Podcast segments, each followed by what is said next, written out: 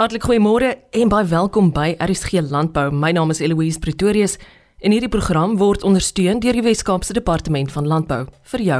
Professor Stephanie Midgley is verbonde aan die Departement Hortologie aan die Universiteit Stellenbosch en dien tans ook as navorser en wetenskaplike vir klimaatsverandering en risikobestuur by die Wes-Kaapse Departement Landbou. Sy het onlangs 'n reis deur die provinsie onderneem waar heel party deelhouers en boere besoek is en deel met ons haar bevindinge. Ja, ek sal graag deel ehm um, sommige van, van die ondervindings wat ek daar daar gehad het en wat ons geleer het en wat ons ook daarmee wil maak. Dit is belangrik dat mense nie net reis en met mense gesels, maar dat daar ook 'n praktiese uitkoms is uh, wat vir mense kan help. So die reis was deel van 'n uh, wat hulle noem 'n biannual. So elke twee keer 'n jaar is daar 'n 'n ramp 'n risikobestuur ehm um, vergaderings wat ons hou in elke distrik munisipaliteit van die Wes-Kaap. En dit word gereël deur my kollegas by uh, rampbestuur hier in die Wes-Kaapse Departement Landbou. Ehm um, en hulle het my nou genooi om saam met hulle te werk. Um, wanneer hulle nou op hierdie reise gaan oor die hele provinsie om met mense te kom gesels. So oorspronklik was die reise gemik om om te kyk wat is die behoeftes in terme van ramp ehm um, ehm um, hulp vir, vir boere um, soos voer of saad en so aan. Maar dit het nou 'n bietjie verander na 'n fokus om te kyk hoe ons beter rampe kan bestuur in terme van die risiko's verminder eerder as om net te wag dat iets gebeur en dan uh, moet ons skarrel om vir mense te help. So dit is vir klimaatsveranderingsaanpassing ook inkom. So dit is hoekom ons nou saamwerk want dit is baie nou verband ehm um, baie nou verband daarmee. Ehm um, hierdie spesifieke reis was uit die Weskus distrik op. Ehm um, ons het met drie verskillende groepe van boere gaan gesels. Die eerste een was by Klein Willem en dit is natuurlik boere wat veral fokus op op sitrus en so aan. Ehm um, meer van die kommersiële boere ook en dan natuurlik die, die groot skema met die Klein Willem dam en die die kwessies oor die water en die kanale en so aan het daar baie sterk uitgekom.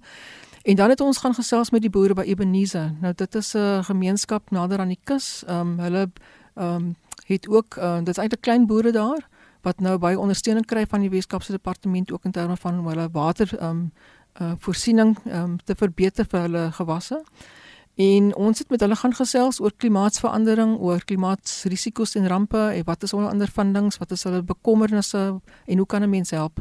En die laaste een was met boere, eintlik net skaapboere um, in die area um, van die Matsikama um, distrik en dit is nou um, naby Bitterfontein het ons daar met hulle gaan gesels. En daar het ons ook 'n mooi mengsel van kommersiële boere en klein boere um, in in die groepie gehad. So ons het baie um, verskillende uitkomste gehad met die drie groepe en dit is eintlik baie interessant om te sien hoe hoe lokaal die probleme is en die kwessies en en ook die oplossings en wat wat wat die groepe eintlik uitlig as hulle prioriteite waar ons kan help. Soos byvoorbeeld die mense wat wat besproei, soos ook Ebenezer en so aan. So hulle sê vir hulle is die grootste bekommernis is die ehm um, is die kanaalstelsels wat so oud is wat oud geraak is en as as die kanale as daar iets verkeerd gaan dan is is dit hele hele seisoen wat tot niet gaan met hulle gewasse. So dit is 'n baie baie groot risiko vir hulle. Ehm um, so vir hulle is dit die Klein Willem Dam en die kanale en daai hele stelsel wat uiters belangrik is, maar hulle wil ook weet wat is die gewasse wat hulle kan aanplant wat meer meer bestand is teen hitte want hulle ondervind nou byvoorbeeld dat hulle tomaties het nou gebrand in die son en dit het nog nooit van tevore gebeur nie. En en hulle sê dit dit raak warmer, die somers daar raak warmer, veral in die in die ehm um, voor Kersfeestyd en ehm um, hulle wil weet wat moet ons wat hulle moet maak om om hulle self te beskerm teen die warmer temperature. Ehm um, dan kom ons by by die skaapboere in Matsikama en hulle het nie groot waterinfrastruktuur nie. Hulle eintlik gaan waterinfrastruktuur nie. So hulle is so ehm um, afhanklik van die grondwater. En hulle sê daar is so so bekommernis oor eerstens wat klimaatsverandering gaan doen met die grondwater, gaan dit minder raak.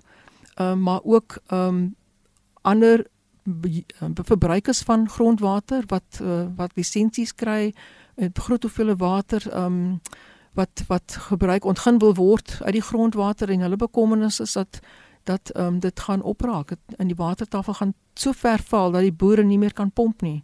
En um en ook die waterkwaliteit um um het hulle baie bekommernis daaroor. En hulle is totaal afhanklik van die grondwater. So daar's baie verskillende aspekte en elke ja, die prioriteite wat hulle uitgelig het, elke groep het so verskil. So ons moet nou gaan sit en kyk en, en dit is belangrik dat hulle vir ons sê wat wat is die die oplossings wat ons mee kan kan saamwerk en en ons gaan nou kyk die lysies wat hulle vir ons gee en dan gaan ons nou kyk wat wat is doenbaar wat waar kan ons projekte initieer en en befondsing allokeer um, om om om daar te help. Ehm um, ja, so dit dit was baie baie interessant. Elke keer as ek met met die met my kollegas van rampbestuur op pad is, is dit ook baie goed om met hulle ook net te gesels. Ons leer van mekaar. Um ons die mense van die provinsiale rampbestuur um, sentrum in Kaapstad was ook by. Hulle het 'n drie of vier mense ook gestuur. Um want dit is ook um belangrik dat kyk rampbestuur is mos dis die, die plaaslike regering, maar ook die provinsiale regering en dan ook die nasionale regering wat almal moet saamwerk en dan saam met die departement landbou se rampmense. Dit is dit is 'n baie groot beplannings met verskillende groepe op verskillende vlakke en hulle moet die koördinasie moet moet goed gehandhaaf word sodat dit 'n uh, goeie uitkomste kan hê vir die vir die mense op die grond. Jou navorsing en jou werk by die departement, hmm. ehm um, hand aan hand met noue samewerking met boere, hoe kry hulle jou op 'n praktiese en 'n maklike manier in die hande? Hulle kan my bel 021 808 5080 Stephanie met 'n P H A N I E M @elsenburg.com. Ja, ek dink ek het as 'n navorser ook baie geleer ehm um, by hierdie vergaderings met die boere. Ehm um, dit is belangrik dat ons navorsing moet realisties wees. Dit moet toegepas wees. Daar moet 'n behoefte wees en dan moet 'n uh die wanneer ons die antwoorde het, moet ons dit vir die mense kan gee om dat hulle nuwe praktyke kan kan uitprobeer. Ehm um, so dit is vir my goed want ek deel van my rol hier is ook om om 'n prioriteitslys op te stel van ons navorsingsbehoeftes in terme van klimaatsverandering in die landbou. En ek het dit wat ek van die boere hoor, is nie altyd dit wat ek self uitdink as ek nou in my kantoor sit voor my lesenaar, voor my rekenaar en ek dink, okay, ek dink dis 'n goeie idee. Soms is dit glad nie daai daai vrae nie. Hulle het heeltemal ander vrae soms en dit is belangrik dat ons net hoor van hulle wat wat wil wat is hulle behoeftes en wat is hoe kan ons help met um, nuwe kultivars of nuwe praktyke of of net aangepaste praktyke um, om hulle te help. En uiteraard, dit is 'n wonderlike geleentheid ook vir jy weet jong landbouers of mense wat hulle self in die wetenskap um, kant van van landbou wil skaar. En hoe meer ek self daaroor dink en verslag doen as 'n landboujoernalis, ehm um, hoe meer is daar daarvan. En dis vir my ook belangrik. Jy weet jy hoef nie self te boer om aktief en baie passievol betrokke te wees by landbou nie. Absoluut. Ehm um, ek dink daar's so baie moontlikhede vir jong mense om betrokke te raak in die sektor as hulle belangstel in navorsing, landbou. Soos sê jy, hulle hoef nie selfs boere te wees nie. Hulle kan op die op die plase wees saam met die boere met hulle gesels en en betrokke raak ehm um, en en 'n goeie impak hê. Dis daar's daar's so baie werk wat gedoen moet word daar.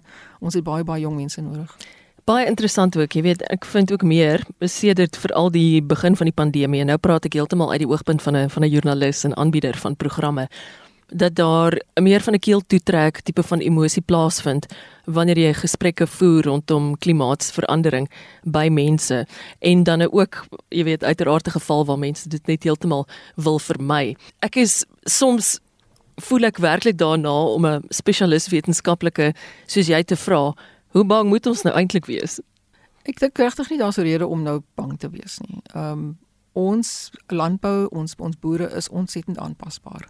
Ek dink van al die jobs in die wêreld, ek dink ek dink boere en dalk vissersmanne is is van die aanpasbaarste mense wat ek nog ooit geken het. Daar ons het tog altyd aangepas by die klimaat as dit by kosproduksie kom. Ehm um, en ek dink die klimaat gaan dit ja oor 20 30 40 jaar um, is die is die toekoms wat wat die wetenskaplikes vir ons sê dit lyk nie goed nie maar ek dink ons het nog genoeg tyd om te leer om aan te pas om tegnologie in te bring om ja om oplossings te vind en daar is geleenthede ook uh, met nuwe gewasse en nuwe areas. Dit is nie net alles negatief nie.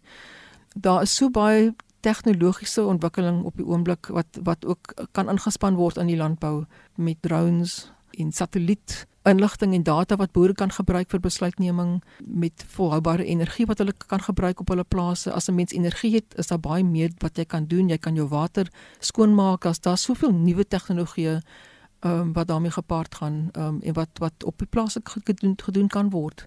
Ons moet net ons hulpbronne wat ons het ons water ons grond moet ons beter bestuur ons moet dit oppas want dit is ons goud um, en dit dit dit sal altyd daar wees as ons dit goed oppas, gaan ons altyd genoeg daarvan hê. Ons kan net beter werk met water. Ons sal dalk 'n bietjie minder hê, maar ons as ons beter werk met die water, daar gaan altyd nog plekke wees in die Weskaap waar daar genoeg water is en waar mense nog goeie produksie sal kan handhaaf. So ek is ek is nie totaal negatief nie. Ek dink ons maar ons moet wakker skrik dat as ons nie nou iets doen of dat mense begin self inlig en en aanpassings maak, dan gaan dit miskien te laat wees as ons oor 20, 30 jaar eers begin.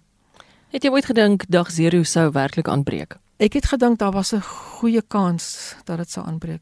Ek was nie heeltemal ek was nie paniekerig nie, maar ek het van die mense, van die wetenskaplikes byvoorbeeld by Universiteit van Kaapstad wat vir die stad gehelp het in daai situasie. Ek ken van hulle en ek ek het vertroue in hulle gehad dat hulle hulle bes doen om die probleem aan te pak en te bowe te kom en ek en ek dink hulle het en ja, ek dink miskien was was dit nie so bekend hoeveel in die agtergrond gedoen is deur so baie mense, so baie kenners saam met die stad um, om dit te maak werk. En dit het vir my baie hoop gegee want dit beteken dat as ons almal saamwerk en ons kennis pool en en saam dink dan dan kan ons sulke probleme oplos en en die stad het dit opgelos. So ja, ek ek ek ek, ek dink ek het gedink daar was so 50-50 kans, maar ek was nie totaal negatief nie. Ja.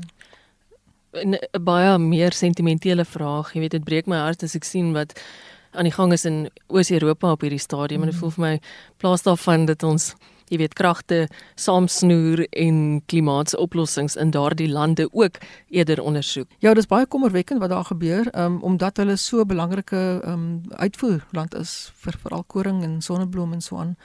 Ehm um, maar ek was ek was nogal verbaas dat ehm um, ek het gister gehoor in die nuus dat hulle het besluit dat hulle uh, gaan plant.